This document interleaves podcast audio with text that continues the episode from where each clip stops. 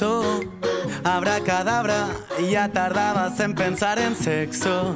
El mejor afrodisíaco son las palabras para follar contigo hasta hacernos viejos. Celos. Hola a tots i a totes i benvinguts i benvingudes a Sex Sapiens, el programa universitari de divulgació sobre sexualitat. Para mí tu cuerpo ya es perfecto. Voy a acostumbrarme a tus manías y empaparte la autoestima surfeando tus estrías. No cumplo tus expectativas. Us parla Gaita Sánchez, la conductora del programa, i no podria estar millor acompanyada amb la Miriga Sánchez, la Marina León, l'Albert Aguilar, la Judit Montón i l'Andrea Cuerva. Bona tarda, noies. Bona tarda. Com esteu avui en aquesta tarda bastant pluviosa, he de dir, eh? Hem vingut aquí amb compte de no mullar-nos. Un dia una mica trist, però sí, a bueno... mi no, no m'agrada. Però l'animarem amb el Sí, programa. exacte. exacte. Estem aquí per animar el programa. Ens endinsarem avui en el que ens ocupa, el llenguatge. Per això la Mireia ens parlarà posat al dia del llenguatge inclusiu amb Georgina Heredia, filòloga i lingüista. Al reportatge de la setmana, la Marina tractarà les paraules brutes durant el sexe amb la pedagoga i sexòloga Paula Álvarez i la sexòloga Anna Chacón. A Parlem-ne he entrevistat a la lingüista i traductora Anna Lárcia per parlar dels masclismes a la llengua catalana. L'Albert a Vista Panoràmica tractarà els idiomes més sensuals i les diferents formes de dir t'estimo arreu del món. A Culturitzem-nos, la Judit ens porta l'altra cara de la moneda, frases que expressen amor però sense dir t'estimo de les pel·lícules més mítiques. I tanquem el programa amb l'Andrea i els seus famosos mites, que posaran a prova el nostre coneixement del llenguatge. Comencem!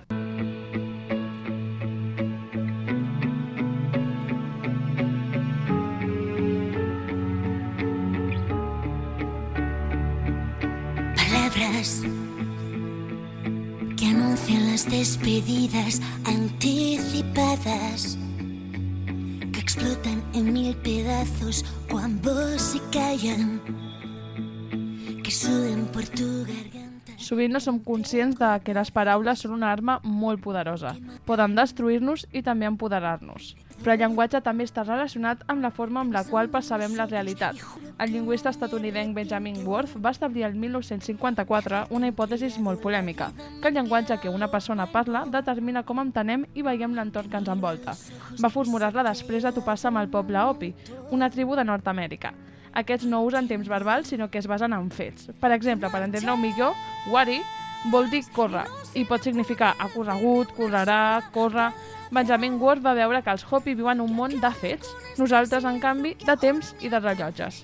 A més, el lingüista sostenia que si el vocabulari no recull una emoció o un sentiment, els parlants de l'idioma no podran mai experimentar-la.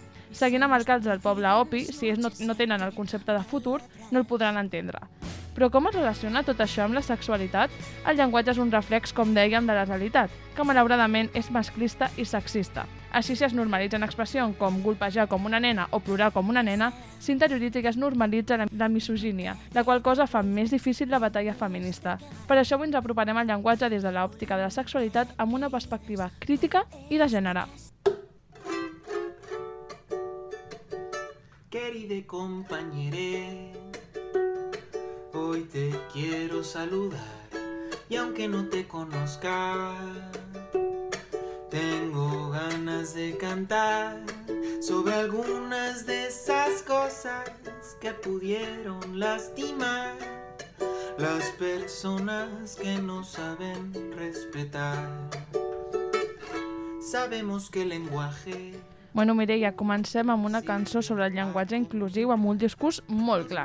Explica'ns una miqueta més. Doncs aquesta cançó que estem escoltant es diu Queride Compañere i és del compositor Josian Locke. Cal destacar que hi ha diversos llenguatges inclusius. Per un costat tenim el llenguatge inclusiu no sexista i després està el no binari, que és aquest del qual parla la cançó. Us recomano escoltar-la perquè realment és, és molt guai. Qui és on anirem avui a parlar de la mà de la filòloga i lingüista Georgina Heredia Trejo. Anem a posar un exemple per diferenciar això que és llenguatge inclusiu no sexista i no binari. M'ajudeu, vale? Vinga. Si en un grup de sis diputades en castellà, que s'entén millor, i dos diputados, jo dic los diputados, en general, això és llenguatge sexista o no? Sí. Sí. Sí, jo crec que sí. Evidentment, perquè estic parlant genèricament amb el gènere masculí, no? I quin ús seria un ús no sexista? Diputades. Diputats i diputades. Sí. Molt bé, això està bé. I O també... diputades perquè és la majoria, no? Clar. Dip, clar, diputades en general, vale. Doncs un pas més enllà seria utilitzar el llenguatge no binari. Com ho diríem? Diputades. Diputades. Vale, molt Com bé. en català. Estem bé, estem bé a l'estudi.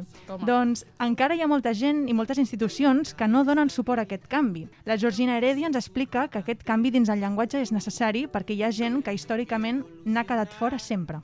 La verdadera pregunta yo creo que tendría que ser como, ¿por qué existe tanta renuencia a crear una sociedad donde todas las personas nos sintamos cómodas? ¿Qué digo? Es una pregunta un poco retórica porque en realidad pues obviamente tiene que ver con que muchas personas que no sienten la necesidad, que se sienten representadas con los adjetivos en A o en O, ¿no? Cómoda, cómodo, no, no están dispuestos a ceder su comodidad para que otras personas estén un poco más cómodas. Y eso es muy triste porque no solo son personas ya, son, son minorías invisibilizadas durante muchos, muchos años que están diciendo, oye, yo necesito esto. La filòloga afirma que el fet de no respectar, per exemple, els pronoms amb els quals una persona vol ser tractada contribueix a la vulneració dels drets humans. O sea, si mis pronombres son, son she, her, no ella, y alguien se empeña en decirme él, para mí va a ser doloroso. No va a ser doloroso porque yo tenga la necesidad desde mi ego de que se respeten mis pronombres, que eso es algo que mucha gente no entiende. Sino va a ser doloroso porque se une a décadas y décadas y décadas, y no es que tal vez siglos, de opresión, de violencia, de invisibilización. O sea, cada vez que alguien se rehúsa a usar los pronombres de una persona, está dejándole ver que no le importan sus derechos humanos, En general, considera que la raó per la qual algunes persones no veuen necessari aquest canvi és que han nascut una posició de privilegi i no ho necessiten. No solamente la vocal, la O, la A, la E, es toda esa falta de conciencia que está detrás y que dice, yo no estoy dispuesto a hacer que mi vida sea un poquito más difícil al tenerme que esforzar por decir todes, porque al principio cuesta trabajo acostumbrarse, para que tú vivas una vida más cómoda en, la, en el mundo, ¿no? O sea, como que las personas que se rehusan a usar pronombres o a decir todes o a ese tipo de cosas, no se dan cuenta de los privilegios que tienen Dins la llengua també trobem algunes paraules que han derivat en insults, com per exemple maricón o puto. Són conceptes dels quals la comunitat LGTBIA s'ha reapropiat com una eina de lluita al seu favor. Segons Heredia, aquesta reapropiació ajuda a deixar de viure sota la vergonya i a treure-li poder als qui les utilitzen com insults. eh, muy interesante cómo incluso mencionar esas palabras que socialmente tienen una carga negativa causa cierta incomodidad en las personas que lo, que lo dicen. Entonces, cuando una persona oprimida se reapropia de las palabras que tienen esa carga negativa socialmente y culturalmente, está, digamos, como retomando ese poder que la sociedad y la cultura le han dicho que, que no debería tener. Porque si, si yo digo que yo soy orgullosamente gorda o orgullosamente puto, tú te das cuenta de que ya no me puedes ofender con esas palabras. Entonces, eso es quitarle poder a los opresores. En un article de la revista Time Out México, titulat 5 consejos para referir-nos a les persones LGTBIA, s'assegura que aquestes paraules s'han d'evitar si no formem part de la comunitat. En canvi, la Georgina Heredia considera que la qüestió no és si podem utilitzar-les o no, sinó entendre per què encara tenim aquesta necessitat de fer-ho. La motivación de las personas por no usar ciertos términos invisibilizadores o ciertos términos que insultan, ciertos términos que recuerdan todo este dolor que muchas personas de las minorías viven. Todo esto no puede ser que la gente piense bien de nosotros. Tiene que ser lo que hay detrás. Tiene que ser por qué, por qué quiero seguir diciendo palabras que lastiman. Porque tengo esa necesidad todavía. Yo sé que esta palabra es homofóbica y aún así la digo. Más bien es porque no estoy dispuesta a dejar ir mi homofobia, mi transfobia. Porque me aferro tanto a la manera en la que yo veo las cosas. No necesitamos una lista de palabras buenas, palabras malas. Necesitamos ir más allá. El consell que la filòloga dona per dirigir-se amb respecte a les persones de la comunitat LGTBIA i ser inclusives és entendre el rerefons de la seva opressió. Escucharlas, entenderlas, ponerse en su lugar, salir de esa burbuja narcisista y intentar aprender, intentar entender. O sea, preguntarse como, ¿será que alguien se haría la vida tan difícil solo por llamar la atención, ¿no? Que es un prejuicio que muchas personas tienen. O más bien será que hay algo muy, muy importante que amerita que las personas se expongan a tantas violencias y a tantas cuestiones, ¿no? Entonces, para mí ese es como el, el único consejo que yo daría, que si, si tú cambias tu forma de ver las cosas y si tú cambias de ver a la- tu forma de ver a la comunidad, a las personas de la comunidad LGBT, no, no puedes evitar que tu lenguaje cambie, porque entonces tu lenguaje es el reflejo de lo que hay dentro de ti. El llenguatge per si sol no contribueix als discursos d'odi, ho fa la manera en què l'utilitzem. I és evident que tenint al nostre abast tanta quantitat d'informació sobre les minories i el llenguatge inclusiu com tenim, qui no l'utilitza és perquè no vol. Hem de ser conscients del nostre privilegi i de les opressions que pateixen els altres, per des d'aquí canviar la nostra manera de pensar i, conseqüentment, canviar també el nostre llenguatge. Jason.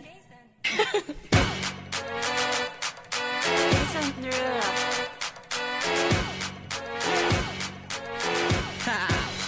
Get jazzy on. I'm that flight that you get on. International. First class seat on my lap, girl. Riding comfortable. Cause I know what that girl them need. New York to Haiti. Ara que hem repassat amb la Mireia el llenguatge inclusiu, anem a parlar d'un fenomen verbal ben curiós, com el llenguatge brut, per dir-ho d'alguna manera, excita durant el sexe. El teu reportatge va molt relacionat amb aquesta temàtica, oi Marina? Exacte, Iai. La Paula Álvarez és sexòloga i pedagoga i té una consulta de pedagogia online feminista LGTBQIA friendly. A Instagram la podeu trobar com Paula Álvarez, sexòloga. Avui ens introduirà el tema dels insults durant el sexe, també conegut com dirty talking. Segons la sexòloga, que algunes persones les exciti que els insultin durant el sexe, té a veure amb el BDSM, les sigles de bondage, dominació, submissió i masoquisme. Dentro de, mm, del, del BDSM tenemos eso, la, la dominación y la sumisión. El a otra persona eh, tiene un, un carácter de, de dominación sobre ella, ¿no? de, de- de humillarlo. Entonces esto es por, y además hay como insultos que como que nos gustan más, ¿no? O sea, nos llenan la boca y que además es algo prohibido, pecaminoso, ¿no?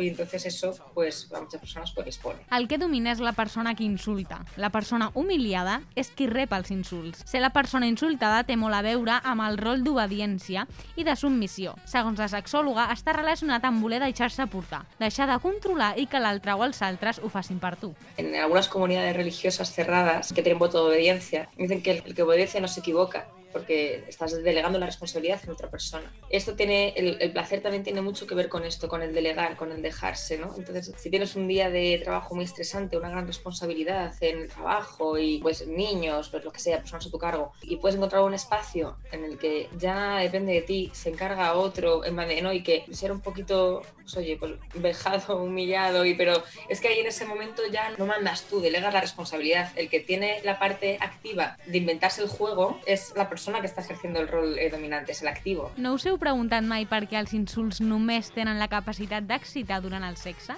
Que no hi cap resposta? Jo m'he plantejat, perquè clar, jo per exemple, quan veia en algunes pel·lis que, almenys les que veia que insultaven dient, jo què sé, ho dic torra o alguna així, en plan, jo deia, eh, ¿por qué está hablando así esta, este señor?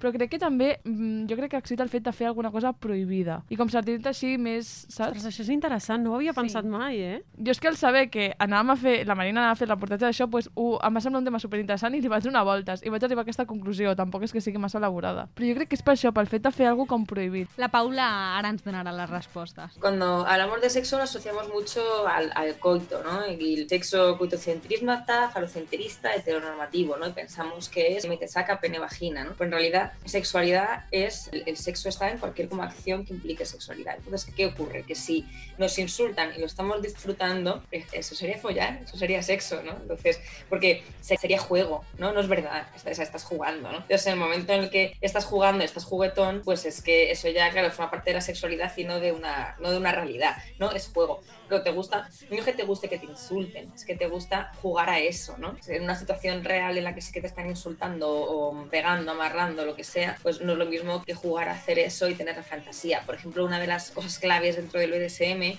es la palabra o el, gesto, si tienes, por ejemplo, la boca tapada o lo que sea, de seguridad. L'Anna Chacón és sexòloga clínica i terapeuta de parella. La podeu trobar com chacón.sexòloga a Instagram. Ens explica per què excita insulta durant el sexe. Deia que no és cap parafília perquè normalment la gent no va a consulta tenint un malestar per aquest tipus d'excitació i és una característica bàsica de les parafílies. El que és això és una filia. La sexòloga en parlava de que el dirty talking moltes vegades està relacionat amb trencar amb les normes establertes i ser el que no està permès fora del llit. Muchas veces tenemos unas etiquetas ¿no? de lo que es bueno y lo que es malo. Por ejemplo, uno de los insultos más comunes en el sexo es eres una guarra o eres un guarro o una puta o un cerdo. Palabras y lo tenemos asociado como algo malo. Y el hecho de que nos lo digan no es como liberarte y decir en este espacio puedo ser lo que no se permite fuera. Asseure'ns a parlar del que volem i no volem durant el sexe i el consentiment és molt important. Sense comunicació, és clar, no pot haver-hi un tipus de sexe com aquest basat en el BDSM. Hombre, en el día a día no nos gusta que nos insulten porque es algo importante también, ¿no? En el sexo, aunque no sea un sexo BDSM, que sea un sexo más normativo, para mí debería ser imprescindible el consenso, la charla de antes que se tiene mucho en la preparación, las prácticas BDSM, el sentarte a hablar de lo que quieres y lo que no quieres hacer. Eso se debería hacer en todas las situaciones ¿no? en las que muestras una parte tan vulnerable. En el día a día yo no puedo ir consintiendo de tú me puedes insultar, tú no, tú sí, tú no. En cambio en el sexo como es algo más pequeño, no más cerrado normalmente, ¿no? Aquí depende ya de la persona, pero normalmente es de tú a tú, ¿no? Hay más vínculo quizá, aunque sea de una vez, puedes tener ese espacio más seguro en el que comunicar y consentir o no consentir. Por eso te puedes permitir, ¿no? Liberarte, porque sabes que lo que vas a hacer lo has permitido tú. Segons Chacón, la gent sempre es preocupa per saber si el que fan és normal o no. I amb el tema dels insults també passa. de todas las sexualidades, ¿eh? más normativas, menos. La gente siempre se preocupa ¿no? por lo que hago es normal. Aquí tienes que revisarte, ¿no? Hasta dónde entendemos que es normal y que no. Porque hasta dos días el sexo oral era asqueroso, era sucio, era lo peor y ahora es la práctica más común aquí en España. Tus fantasías son normales o no si tú las disfrutas y está consentido, ¿no? Y no haces daño a nadie hasta unos límites que esta persona no quiera llegar, ¿por qué no hacerlo, no? No tenemos por qué preocuparnos de, "Ugh, soy rara, me gusta que me digan guarra, ¿no? En la cama, uy, soy una guarra de verdad, ¿no? No deixes de ser una persona respectable quan et peguen o t'insulten durant el sexe perquè ho estàs consentint. Tens el control màxim i saps que pots parar quan vulguis. Aquesta és la clau segons la sexòloga. Entonces, el hacerle consciente a esa persona de que tú aquí sí que controlas, estás estableciendo tus límites y lo que quieres y lo que no, y en el otro lado no, la gente es muy liberador, ¿no? En decir, ostras, de verdad, ¿no? Estoy controlando esta situación y no es algo raro, simplemente estoy disfrutando de una fantasía con mi pareja de manera consensuada, de manera libre, ¿no? Sin prejuicios y sin juzgar. Una qüestió molt curiosa que em plantejava Chacón és la recuperació de la simetria en la parella després de fer aquest tipus d'actes sexuals. Estamos posicionándonos en diferencia, ¿no? En una simetría en la pareja o pareja sexual en este caso, muy diferente, con mucho grado de simetría, vuelvo a repetirlo. Entonces después tenemos que volver a ser iguales y tenemos que volver a retomar, ¿no? El, eh, después de esta humillación, yo me tengo que volver a posicionar como una persona, ¿no? De igual a igual, el volver a ser una persona igual que tú, dominante o, o- o la otra persona que tengas delante que te ha insultado, te ha humillado, ¿no? Y te ha hecho sentir por debajo, ahora tenemos que volver a hacerte sentir bien, agradable, ese espacio de proteger, de ver cómo te has sentido. Per acabar, m'agradaria deixar-vos a un fragment en què la Paula Álvarez també parlava del consentiment, que des de Sex Sapiens pensem que és molt important. Lo que sí que es verdad es que cuando encuentras un compañero de juegos para hacer esta clase de cosas hay que hacerlo con seguridad. Hay que hablar de los sí, los nos y lo que te gustaría probar y y siempre además tener claro que el quieres parar, se para y hacerlo con alguien que tengas confianza. Porque claro, si tienes un trauma porque de pequeño la profesora te decía que eres tonta y te ha quedado ahí como la espinita y a veces sientes que puedes ser menos lista que los demás y justo la otra persona se infla a llamarte tonta y eso te afecta, llega un momento en el que tal y quieres que pare Per cert, m'agradaria per acabar recomanar-vos el llibre d'introducció al BDSM que em va recomanar a mi Anna Chacón. El llibre és de Jay Wisman. Si algún día, si algún día. Ei, dones, passaria si un dia s'alçarem? Si trencarem els barrots, si plenarem les garrafes, els deixaríem a tots plegant garrofes. Que ja és hora que deixem de manar, que la igualtat és una cosa que no cal demanar, que és pa cagar-se, Avui a Parlem-ne he entrevistat a l'Anna Lárcia, traductora i lingüista especialitzada en assessorament als mitjans de comunicació. Actualment forma part del Servei d'Assessorament Lingüístic de RAC1 i RAC 105. En l'entrevista hem parlat de si pot considerar-se masclista la llengua catalana. Escoltem-la. Durant els últims anys s'ha parlat una mica del llenguatge inclusiu i el masclisme que podem trobar a gairebé totes les llengües, com per exemple la catalana, que és la que avui ens ocupa. Creus que el masclisme també es reflecteix en la llengua? El masclisme es reflecteix en la manera com fem servir la llengua, però la llengua en si no és masclista, és a dir, són coses diferents. D'entrada, aclarim que el masculí genèric, per exemple, no té res a veure amb el sexe de les persones. És a dir, el gènere gramatical és una forma de classificació de les paraules i, a més a més, només existeix en un 15% de les llengües del món. En canvi, de societats masclistes n'hi ha a tot arreu. Fins i tot hi ha llengües que el gènere no marcat que fan servir és el femení i també són societats masclistes. Jo crec que el gran problema que sorgeix quan interpretem no, que el català és una llengua masclista per trets així és que el gènere no marcat se'l va batejar com a gènere masculí i no té res a veure amb la llengua en si, és, és un nom que van assignar a una categoria i els homes se'n van apoderar. Això va ser masclista, però el tret gramatical en si no ho és. Exemples que ens demostren que això no és així, per exemple, si jo et dic els enginyers, què penses, en homes o en dones? El primer que no són homes, realment. Són homes. I si et dic els científics? També. I si et dic les autoritats? Clar, és que el seu concepte més abstracte, però també en certa manera s'associa a un masculí, jo també crec. Exacte. Policies jo, autori o... Autoritat és una paraula femenina, sí. però jo quan em diuen autoritats, jo no penso en dones perquè dins les autoritats la representació femenina Clar. és molt mínima, no? Continuem amb l'exercici. Si jo dic les criatures... Clar, penso en nens i nenes, és que el ser més petits és com ah, alguna cosa més neutra. Ha la clau en el que acabes de dir tu ara mateix. Jo et dic les criatures, que és una paraula femenina en aquest cas, però tu no li atorgues gènere. Possiblement perquè les criatures, que com tu has dit, no tenen cap mena de poder, no tenen prestigi. Possiblement el problema no és el gènere de la paraula, sinó que en l'imaginari col·lectiu tot el que està relacionat amb el poder està ple d'homes. Això és el que ens fa potser percebre que el gènere masculí, com a genèric, es refereixi només als homes. La llengua en si no és masclista, és un la reflex. manera que tenim de fer-la servir sí que ho és. Abans t'he comentat que durant els últims anys s'ha començat a parlar una mica del de llenguatge inclusiu. Et volia preguntar què és exactament per a aquelles persones que ens estiguin escoltant. S'entén per llenguatge inclusiu l'ús de desdoblaments, és a dir, benvolguts i benvolgudes, diputats i diputades, no? Per evitar el masculí genèric, que ara parlàvem del masculí genèric, fer servir el femení com a genèric, és a dir, parlar sempre en femení per referir-nos a tothom, fer servir paraules genèriques, professorat, estudiantat, ciutadania, i llavors més recentment també s'ha...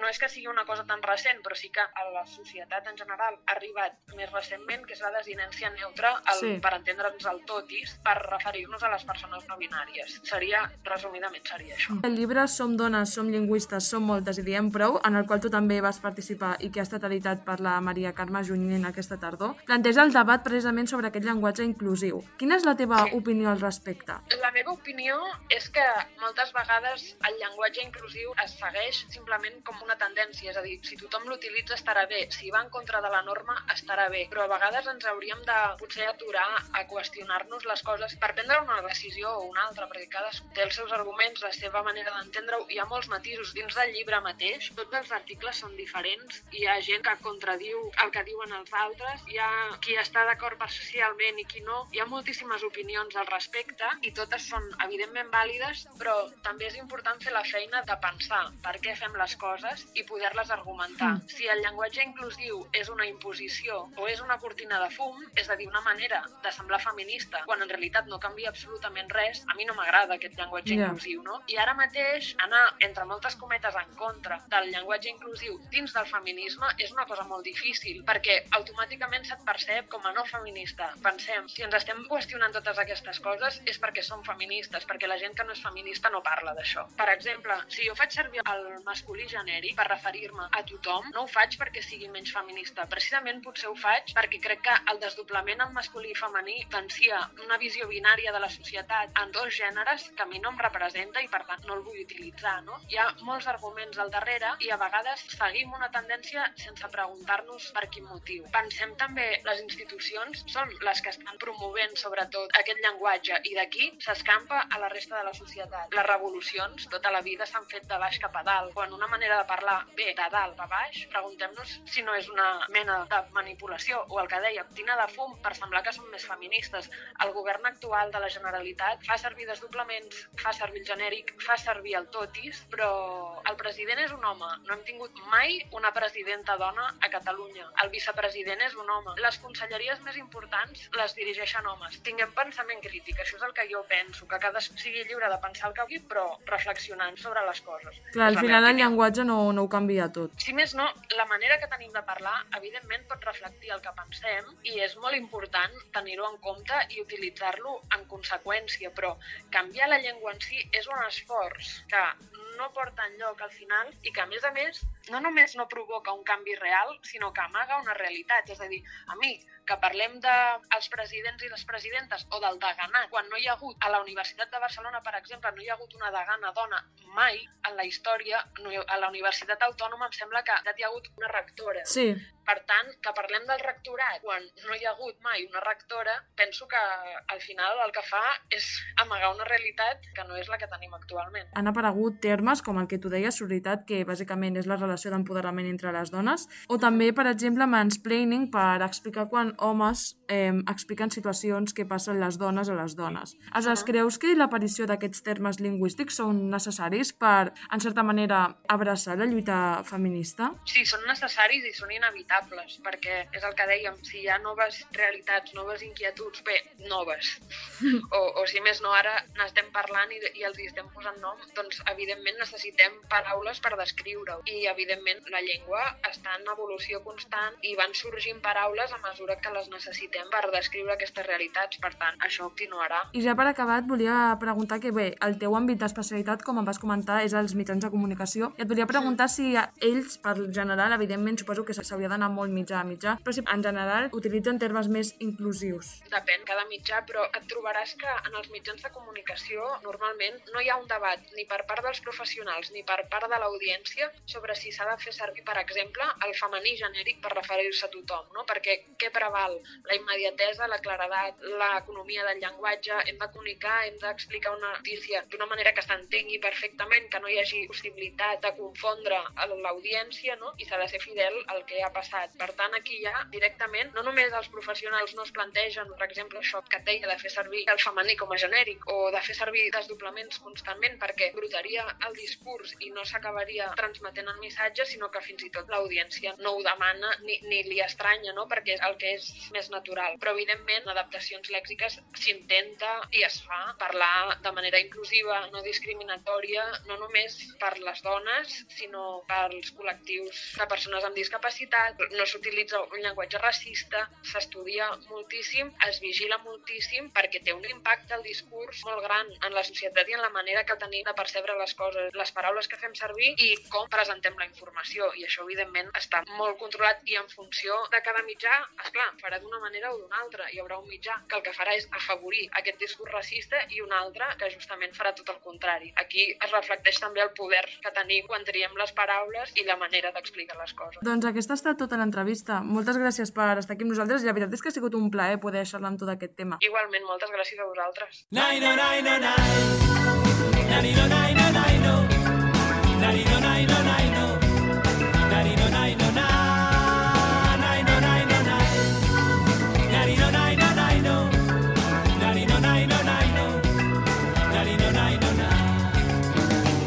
que m'estimes encara que sigui un somni Digue'm que em desitges i et prometo que et creuré L'Albert a Vista Panoràmica tractarà els idiomes més sensuals i les diferents formes de dir t'estimo arreu del món, oi Albert? Doncs sí, Lleida, el nostre cos reacciona de manera diferent davant unes veus i uns accents determinats. Si ens resulten agradables, se'ns pot estarrufar la pell, accelerar el batec del cor o fins pot fer que ens enrojolem. Els accents van més enllà de la pronunciació. Fins i tot ens poden resultar sexis.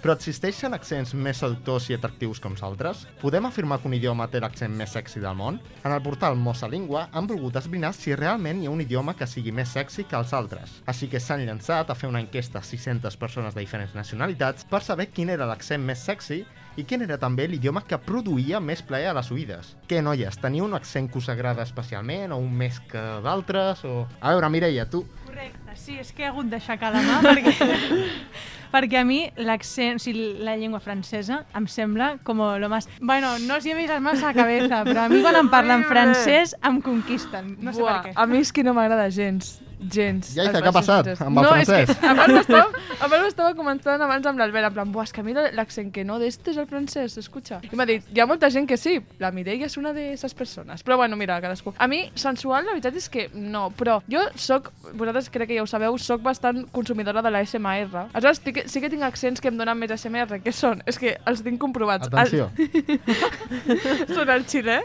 i el colombià. O sigui, això sí que ho tinc. Ala! Em dona molt SMR, en sèrio. Que fort. És l'únic que puc aportar. A veure, són llengües bastant... El colombià, sobretot, és bastant sensual. Més, bueno, més el xileno, és que l'altre dia vaig escoltar un que parlava per Barcelona i em vaig quedar escoltant la conversa perquè m'estava donant molt SMR. La conversa no m'importava gens, perquè era en plan de lo que anàvem a fer aquest, aquella tarda, però que em vaig parar literal. La situació. Sí, bueno. I a vosaltres, noies? Buah, és que... Jo sóc topicazo. que Bueno, ¿En però jo crec, És que dirà, jo que crec que sabem. soc topicazo, però, però en plan eh, un popular opinion, Sí? i és el català. Ho sabia, ho sabia, Ah, sí, sí, és estava preciós. previst. Però preciós. un català, o sigui, no el català de Barcelona amb la, el català Sí, de, de, de Català tancat. de Catalunya Central, Vic, eh, saps? En plan, A mi m'agrada, eh, aquest accent també. Jo soc, Sí, a mi soc de també. poble. I així euro europeu o del món? No. Vale, a veure, l'Itàlia és maco. Ui, no. Jo, pues jo anava Em a fa dir que eh? eh? D'Europa A mi dir em fa que- mandreta, però per l'estereotipo de hombre italiano. Però Però, bueno, en Sí, en l'idioma si és, bueno... Sí, jo estic d'acord amb l'Andrea, eh? Jo el que vull saber és el rànquing.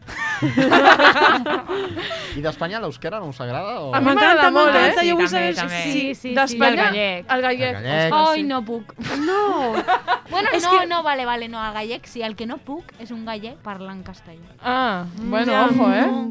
A mi Eh, Em m'agrada. costa moltíssim. El canario, no puc. No. A mi. Tampoc m'agrada el El canari. canario, ho sento. No volia ser hater, volia dir els que m'agraden, però mm, ja m'han- he dit que no a molts. Ja puestos. Doncs a veure, el que ha guanyat a l'enquesta s'ha dit aquí i és el francès. Es veia venir, es veia venir, eh? Ah, sí? Mireia Sí. for the winner. Segons l'enquesta, el francès és l'idioma i l'accent més sexy del món. El francès s'associa al sensual i romàntic, és harmònic i profund i ho van triar per la pronunciació suau de les vocals, la forma en què es mouen els llavis per a pronunciar i la seva entonació especial. És conegut també com el llenguatge de l'amor. I París, moltes vegades, s'ha considerat per molt de temps com la ciutat de l'amor per Sí. excel·lència. Això sí, això veure, se és veritat. París és Sí, maca, sí, això sí que, sí que és veritat. És curiós perquè el que està en segon lloc no m'ho heu dit. I jo pensava, potser alguna, abans la Yaiza m'ha parlat també de cançons en aquest Ah, idioma. en portuguès. El A mi portuguès. m'agrada. A mi sí, m'agrada, sí, eh? A mi és un idioma m'agrada, És que és a la vegada em fa molta gràcia. En plan... A mi també, a mi també em passa això. Com sabeu el meme de,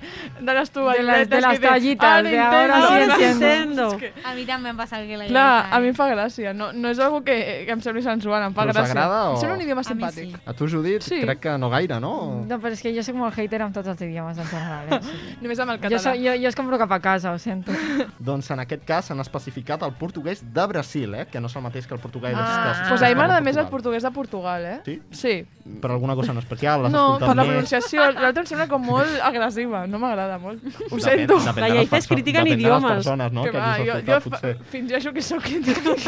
No tinc ni idea. Doncs el portuguès de Brasil s'ha popularitzat a través de la bossa nova, l'estil musical, i els balls provocatius de la samba. És un idioma musical, sonor, rítmic i alhora suau i dolç. No com ha dit la Yaiza, que potser Mm, ha no, escoltat massa No gent cridant, no? A, a No sé, no, tampoc he escoltat molt, no he anat a Brasil. Potser has escoltat massa el Bolsonaro i això sí, no, no t'ha agradat. pot ser. I en tercera posició, vinga, un altre que tampoc heu dit, està l'anglès. Jo n'anava a dir... No, veus, aquest sí que no, zero. No, sí, no. Però, que però un zero No, aquí, rotund, aquí, eh? sí que, aquí sí que no. És que L'anglès europeu, eh, diu aquí. No, no, és que m'és igual. Sí. Què va, què va. Ni British, ni American, ni res. No, no. No, no, no.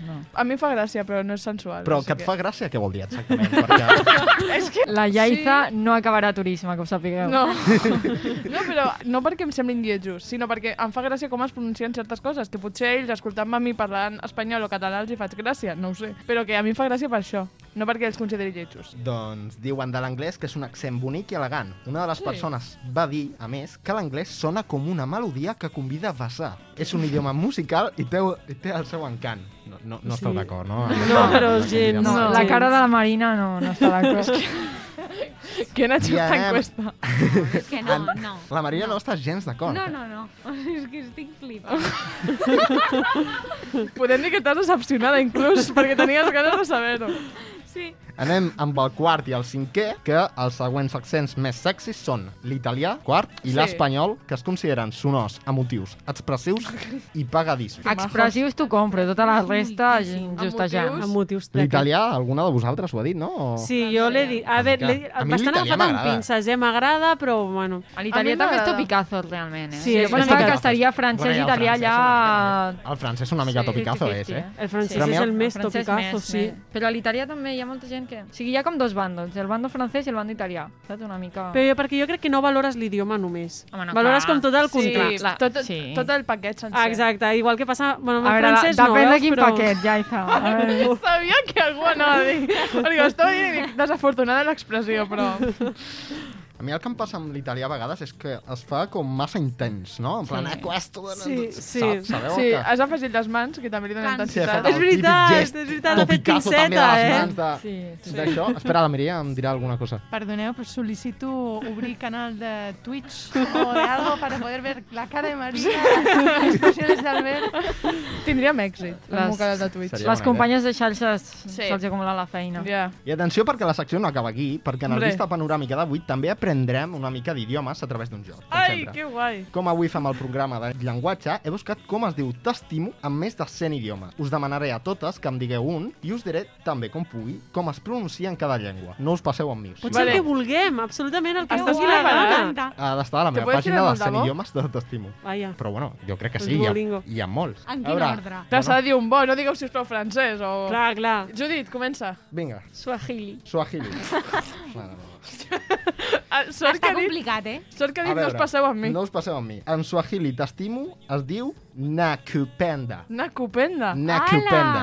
Parece estupenda. Després triarem a veure a qui ens És agrada. que jo diré que m'agraden tots. Nakupenda. Clar, és que Qui us sí. agrada? Vale. Nakupenda. Vale, jo vull ucranià. No sé si és, eh? Ah, Per què? Has dit tots? Ei, Tots els de la pàgina. Ah, vale, bueno, si no, em vaig pensar en un ja. altre. Si Sí. no, la meva opció B... Sí que, sí que hi és. Està? Sí que Ah, hi vale. és, sí que hi és. Es diu, atenció, Yatebe Kay- Kayahu. Yatebe Yaitebe Kayahu. Kayahu. Difícil de, de dir, Ostres, eh? t'estimo que ja t'estimo Albert, bastant. ojo, eh? Sí. Ojo, eh? Yate... Jo sí que sóc eh? sensual amb els idiomes. Jo sóc una persona sensual. Però tu separes perquè s'ha de separar o no? No, l'anterior l'anterior sí que deia que s'havia de separar. Aquest no. Aquest Quin és Yatebe? Kayahu. Vale. Vale, ara Com l'has fet genial. Sí, ara ho has fet Del molt bé. tirón, molt bé. Yatebe Kayahu. Vale. Vale.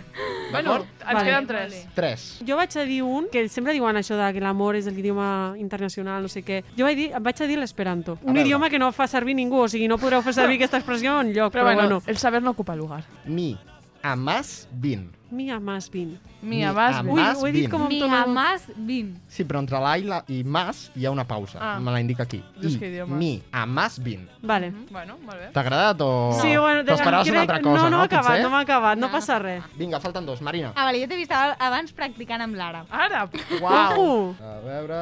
aquest és dificilet.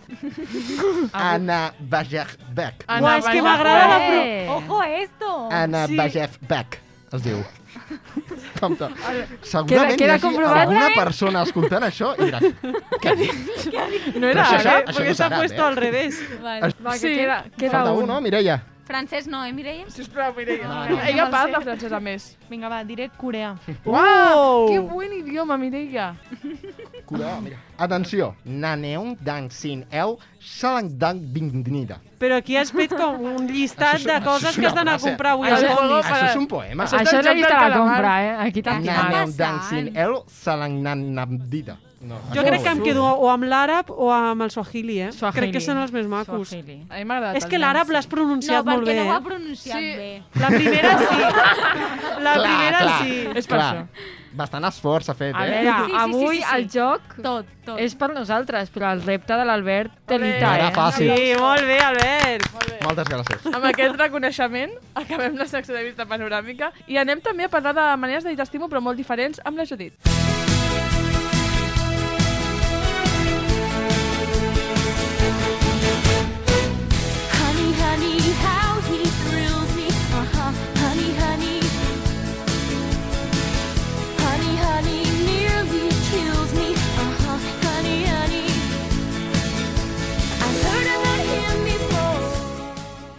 Jo crec que ja puc com tatxar alguna cosa de la llista de les somnis perquè era començar amb una cançó de Mamma Mia en algun programa Sex Sapiens, així que ja només per això estic molt contenta, així que Judit, què ens portes avui? Avui ens posem una mica més sentimentals encara, si és que és possible, després de tots els testimo de l'Albert que ens ha dedicat. I és que és cert que tothom hem somiat algun cop, igual que la Yaiza amb escoltar Mamma Mia, Sex Sapiens, tots hem somiat alguna vegada amb una relació romàntica, com les dels llibres o els de les pel·lícules, deixant de banda que són inviables perquè duren, com a molt, 300 pàgines o dues hores, i que en la gran majoria de casos propicien una idea tòxica sobre l'amor romàntic. Són intensos i bonics. A totes ens agraden les comèdies romàntiques per somiar i, per què no, plorar una mica. Per això, avui us porto un recull de diferents maneres de dir t'estimo sense verbalitzar-ho i espero les vostres reaccions. Comencem amb un mític, mític Dirty Dancing i sona així. A mí me da miedo todo, me da miedo lo que vi, me da miedo lo que hice, quién soy.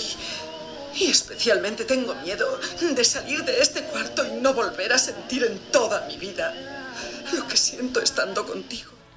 És que Dirty No Dancing... puc, és que no puc, amb a mi aquestes m'agrada molt, eh, coses, aquesta pel·lícula. És I preciosa. realment la relació m'agrada molt, eh? És de les que més m'agraden. Ja, ja ho parlarem després. Molt bonic, no, l'àudio? A mi m'ha fet una mica de pena quan, quan ha dit eh, tinc por, tinc por, em fa por, em fa por, però finalment ha estat molt bonic l'àudio, per tant ha, ha Sí. remuntat. A mi m'ha agradat molt. És que qui, qui no té por estimant una mica, eh? I aquesta por en concret, eh? És molt fort. Molt bonic. que bonic. Marina intensa. Per intens, el Chandler de Friends en aquesta escena. ¿Sabes qué ha sido lo peor? Imaginarme cómo sería mi vida sin ti. Verás, era como qué bello es vivir con bailes eróticos. Por favor, prométeme que no me dejarás nunca, que envejeceremos juntos y que estaremos unidos durante el resto de nuestra vida. És que a mi em passa una cosa que a mi escoltar el Chandler, que sempre està fent bromes parlant seriós sobre l'amor, és una que em dona molta tendresa. I sí. molt amor romàntic, no? Aquí. De fet, de Sí. fet, aquesta escena ve perquè, bueno, no recordo exactament el capítol, però és un moment en què ell acaba de tornar d'un viatge en què, com ja se sent a l'àudio, l'han portat doncs, a, a que li facin Ah! balls eròtics. Llavors, Ah.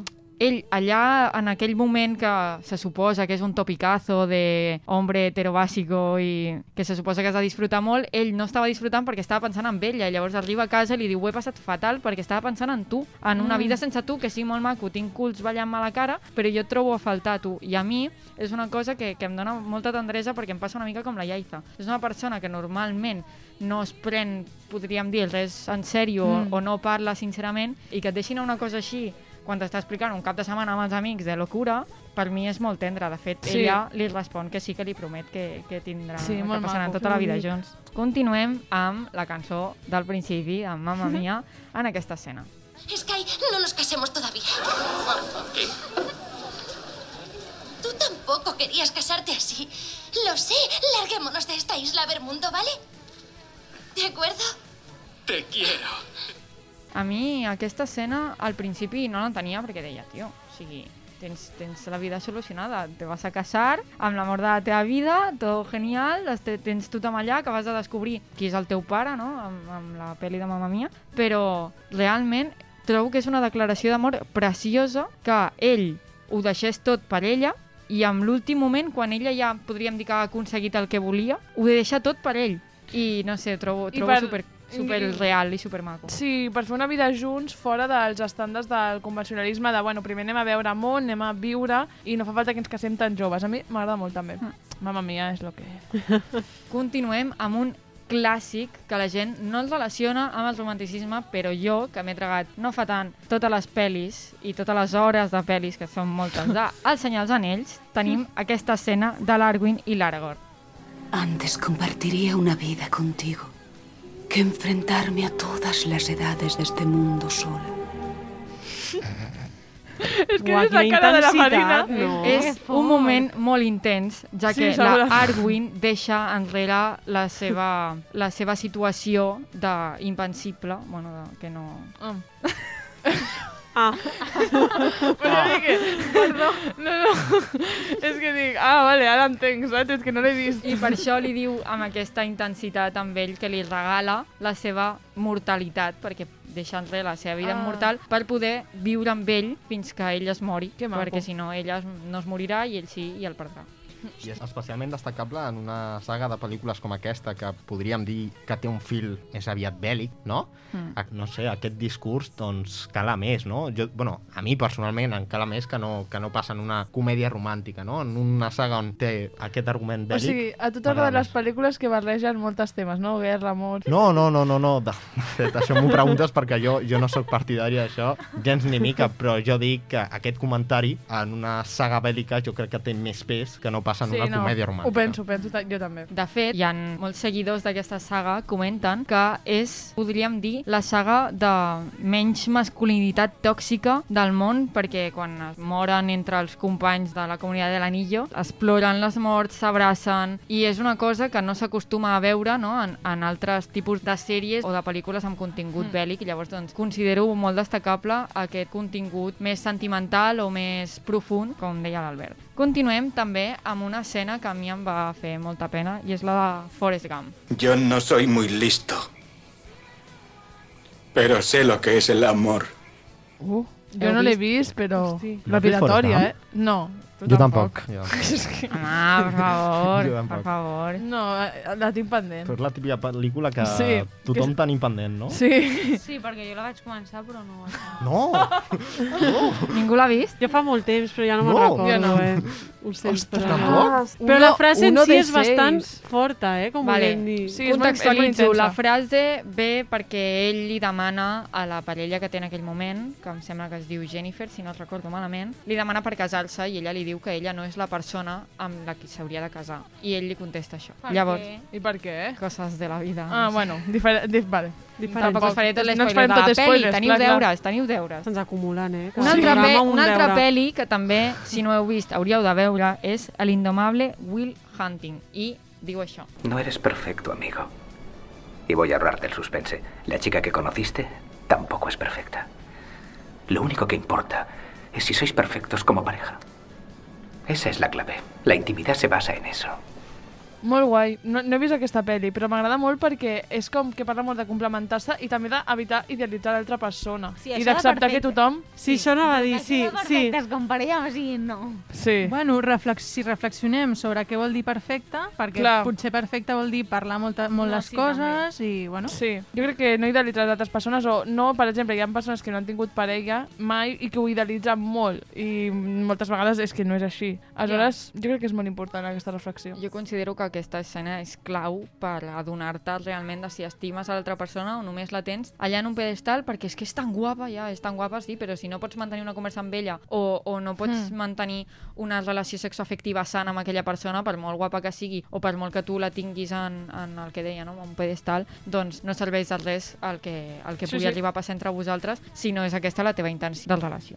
Mm. Acabo amb una escena que a mi em va fer plorar molt i és una escena bastant llarga, llavors us he posat només l'últim tros i és del capítol final de Atípico. Nunca pensé que podría tener novia. Y luego encontré a la mejor del mundo, tú. Pero ahora tú necesitas irte y yo necesito irme. Así que creo que tal vez deberíamos dejarlo un tiempo. Duríssim, eh? O sigui, a mi em sembla duríssim, això. Però això també és amor, eh? És que, real, jo crec que una de les sensacions, no ho he experimentat mai, però és que jo crec que una de les sensacions més doloroses és haver de deixar algú a qui estimes És perquè no esteu bé junts o perquè pel que sigui. Jo És això, el més sí, trist- se me corta la risa de golpe, eh, amb aquesta escena. El més trist de tota aquesta escena i el més emotiu de tota aquesta escena és que no ho deixen perquè no estiguin bé com a parella, sinó perquè tenen objectius professionals, podríem Mm, dir, o personals, clar. que els fan anar cap a dos llocs diferents i els faran estar separats durant molt de temps i, durant, i, i al llarg de molts quilòmetres. I els dos prenen la decisió, després d'una relació complicada, com és amb una persona a dins de l'aspecte autista i amb una noia doncs, que tampoc ha tingut una vida, diguem, fàcil, prenen la decisió de cadascú agafar el seu camí i si han de retrobar-se ja es retrobaran perquè l'amor doncs, no s'acaba aquí. I a mi la veritat que va ser, va ser unes va ser unes frases, o sigui, eh, igual dura com dos o tres minuts tota aquesta escena final i en cap moment es diuen t'estimo, però és que és, trobo que és la mostra d'amor més brutal i més heavy. I Sí, res, sí. amb això acabo, que hi ha moltes maneres de dir, de dir t'estimo, que es poden demostrar de mil maneres i que per favor ho demostreu i ho Sí. digueu molt perquè aquestes coses s'han de demostrar i s'han de recordar sempre.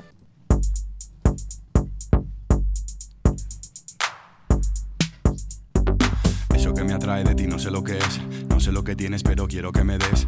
Es inevitable, tu figura me llama, luces sana, tu dulce mirada me reclama. Quiero conocerte a fondo, contarte las cosas que me ponen cachondo, besarte como un adolescente ardiente. Quiero I després de la secció tan maca i romàntica de la Judit, passem a veure... a posar a prova el nostre coneixement, podríem dir, oi, Andrea? Sí, però avui no us porto mites, mites com a tal, us porto una secció una mica diferent. Avui us porto conceptes que segurament haureu escoltat moltes vegades en converses amb amics, a les xarxes socials, però realment us heu parat a pensar si són conceptes correctes o poden arribar a ser ofensius. Comencem amb el primer ja directament i és un concepte molt, molt fàcil, jo crec, però serveix per anar agafant carrerilla. És el concepte de cis-hetero. Ofensiu o correcte? Què en pensen les veus del carrer? Correcte. Correcte. Correcte. Correcte. Què pensem per aquí l'estiu? Jo crec que està bé, és correcte, però pot ser que hi hagi gent que s'ofengui, no? Els cis-heteros. Jo penso el mateix, com los heteritos. Que algú s'ofengui no vol dir que sigui ofensiu Exacte, tampoc, molt bé. eh? perquè hi ha gent que s'ofèn per moltes Sí. coses. Sí. Tenim la pell molt fina, segons qui. Vale, llavors per aquí l'estudi diem correcte, però pot ser ofensiu per segons qui. Correcte, correcte. Sí.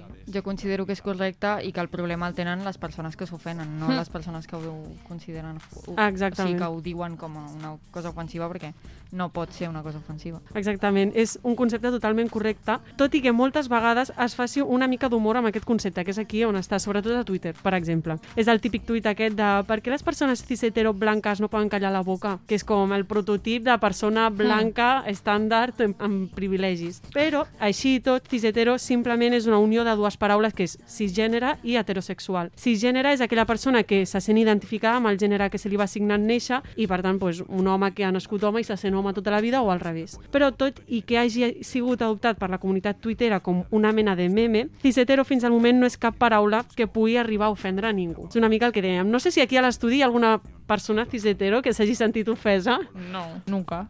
Jo considero, bueno, torno a dir que, que el problema el tenen les persones que, Sí. se senten, que se senten ofeses perquè és una mica com el moviment de no all men, és com ja sabemos que no all men, però hay que Exacte, estem parlant d'alguna una mica manera. del saps? En plan, mateix. És, Sí, sí, a més és a més, això. s'acostumen a lligar molt de cis-hetero i homes, perquè pot, suposo que, que les cis-hetero dones, com és el meu cas, no ens sentim gens interpel·lades negativament amb aquest, amb aquest concepte. Mm. No és que és cert que els homes solen tenir una pell més fina, llavors... Doncs... Masculinitat fràgil. Exacte, no? bàsicament, bàsicament. El segon concepte és una mica més complex i és el concepte de hermafrodita per referir-se a persones que neixen amb els òrgans genitals d'ambdós gèneres. Aquest concepte l'hem tractat una mica en, durant el programa. A veure què en pensen les veus del carrer. Sí, ofensiva. Ofensiva. Incorrecta perquè pot ofendre segons algunes persones si es consideren d'un gènere o d'un altre. Ofensiva. Què en penseu? Ofensiva, noies? 100%. És un concepte que no hauríem d'utilitzar perquè és bastant ofensiu pel col·lectiu intersexual, un dels més invisibilitzats. L'hermafroditisme és la presència simultània d'ambdós sexes, però és una característica pròpia de plantes o animals, com per exemple els cargols. La intersexualitat és la combinació de característiques sexuals menys comuns o que no encaixen al 100% amb les classificacions del sexe d'home o dona, depenent del gènere amb què la persona s'identifiqui. Hi ha moltes varietats de la intersexualitat, com vam poder aprendre en, en un dels programes de la temporada passada, que us recomano que torneu a escoltar si hi ha algun concepte que encara no m'ha acabat d'adquirir. Per tant, no sé si per aquí l'estudi utilitzeu aquest concepte, però està clar que la millor manera és no referir-se a aquest col·lectiu d'aquesta manera. Sí, no, no. Millor erradicar-lo del vocabulari si l'utilitzem. Exacte. I acabem amb l'últim, que jo crec que és el més complicat de tots, que és el concepte transexual, per referir-se a persones que no se senten identificades amb el gènere assignat en néixer. Ofensiu o correcte? Què en pensen les veus del carrer? Correcte. Correcte. Incorrecte per el mateix que l'anterior. Et pot ofendre si et consideres eh, home o dona o E. I llavors, doncs, et pot ofendre igualment, llavors crec que és ofensiu. Ofensiva. Què en penseu? Jo crec que és ofensiva. Jo crec que també. Ho hem parlat, de fet. Sí, crec que Sí. el correcte és dir trans en cas que la pròpia persona ho decideixi, però transexual no. Pensem tots així? Jo, bueno, jo també considero que, que dir-li transexual a una persona és ofensiu, sobretot si, si realment aquesta persona doncs, això se sent identificada amb el concepte d'home, el concepte de dona o el concepte no binari. Jo que sé, potser podríem utilitzar el, com a concepte dona trans o home trans o directament preguntar-li a la persona com vols que Clar, el em dirigeixi a tu o com vols que em refereixi a la teva persona. Exacte. A veure, veure, aquí el, és un concepte incorrecte, transexual no és el concepte que hauríem d'utilitzar, però el punt està en que en comptes de dir transexual hauríem de dir transgènere. Hi ha certa discreció... O sigui, això ho hem parlat aquí. El que, el que anava a dir és que jo no estava entenent per què dèieu que transexual és incorrecte o ofensiu, perquè realment transgènere és... O sigui, transexual vol dir la persona que ha fet la transició, no? Clar, és que no totes la fan. Quirúrgica o... No totes la fan. Clar, perquè si Clar, tu no per ho saps, això- això... i tampoc ho has de donar per fet. No? Exacte, o sigui, tu pots ser, eh, si ets Sí, un home és cis ofensiu. que vol fer la transició cap a una dona, genial, però potser és un home cis que vol que el reconeguin com a ella, però no vol fer la transició quirúrgica. Exacte. O sigui, I no per això és menys vàlid. Entenc que és ofensiu perquè tu estàs pressuposant una cosa. Sí. Sí, Vale. i, i com que li dones més validesa si passa per allò que si no, saps? En plan, que si passa per una operació o per una hormonació sí, però si no, no. Exacte, sí, sí, bàsicament és això, és que hi ha segons quines persones que han decidit com diferenciar el concepte de transexual amb el concepte de transgènere. És que és el tema de deixar una mica davant dels genitals. Perquè Exacte, moltes vegades exactament. aquestes persones Exacte. se les ofèn pel tema de, bueno, si tens tal no seràs tan tal. Exacte, Aleshores, sí. és per això. És aquest, aquesta cosa de que dins la societat doncs, s'ha com identificat que transexual és aquella persona que ha fet la transició i transgènere és aquella persona que pues, no se sent identificada amb el gènere que se li va assignar en néixer, però que potser no ha fet la transició. I és el que dèiem, no fa falta diferenciar entre les persones que fan la transició o no, perquè primer que hi ha persones que no poden fer la transició i també hi haurà persones que no la vulguin fer, i és totalment Clar, és que respectable. és això que Mm. s'entra tot en la transició, és que, bueno, a veure, és que no ets tu ni és el teu que- cos sí, sí, ni exacte. res. és totalment el que deies, és deixar de centrar els genitals. Exacte. Doncs amb aquesta reflexió i aclaració acabem el programa d'avui. Moltes gràcies, com sempre, noies, i també a les nostres companyes de xarxes, la Paula Tolosa i l'Anna Biosca, i ens escoltem en el pròxim programa. Que acabeu de passar una bona nit.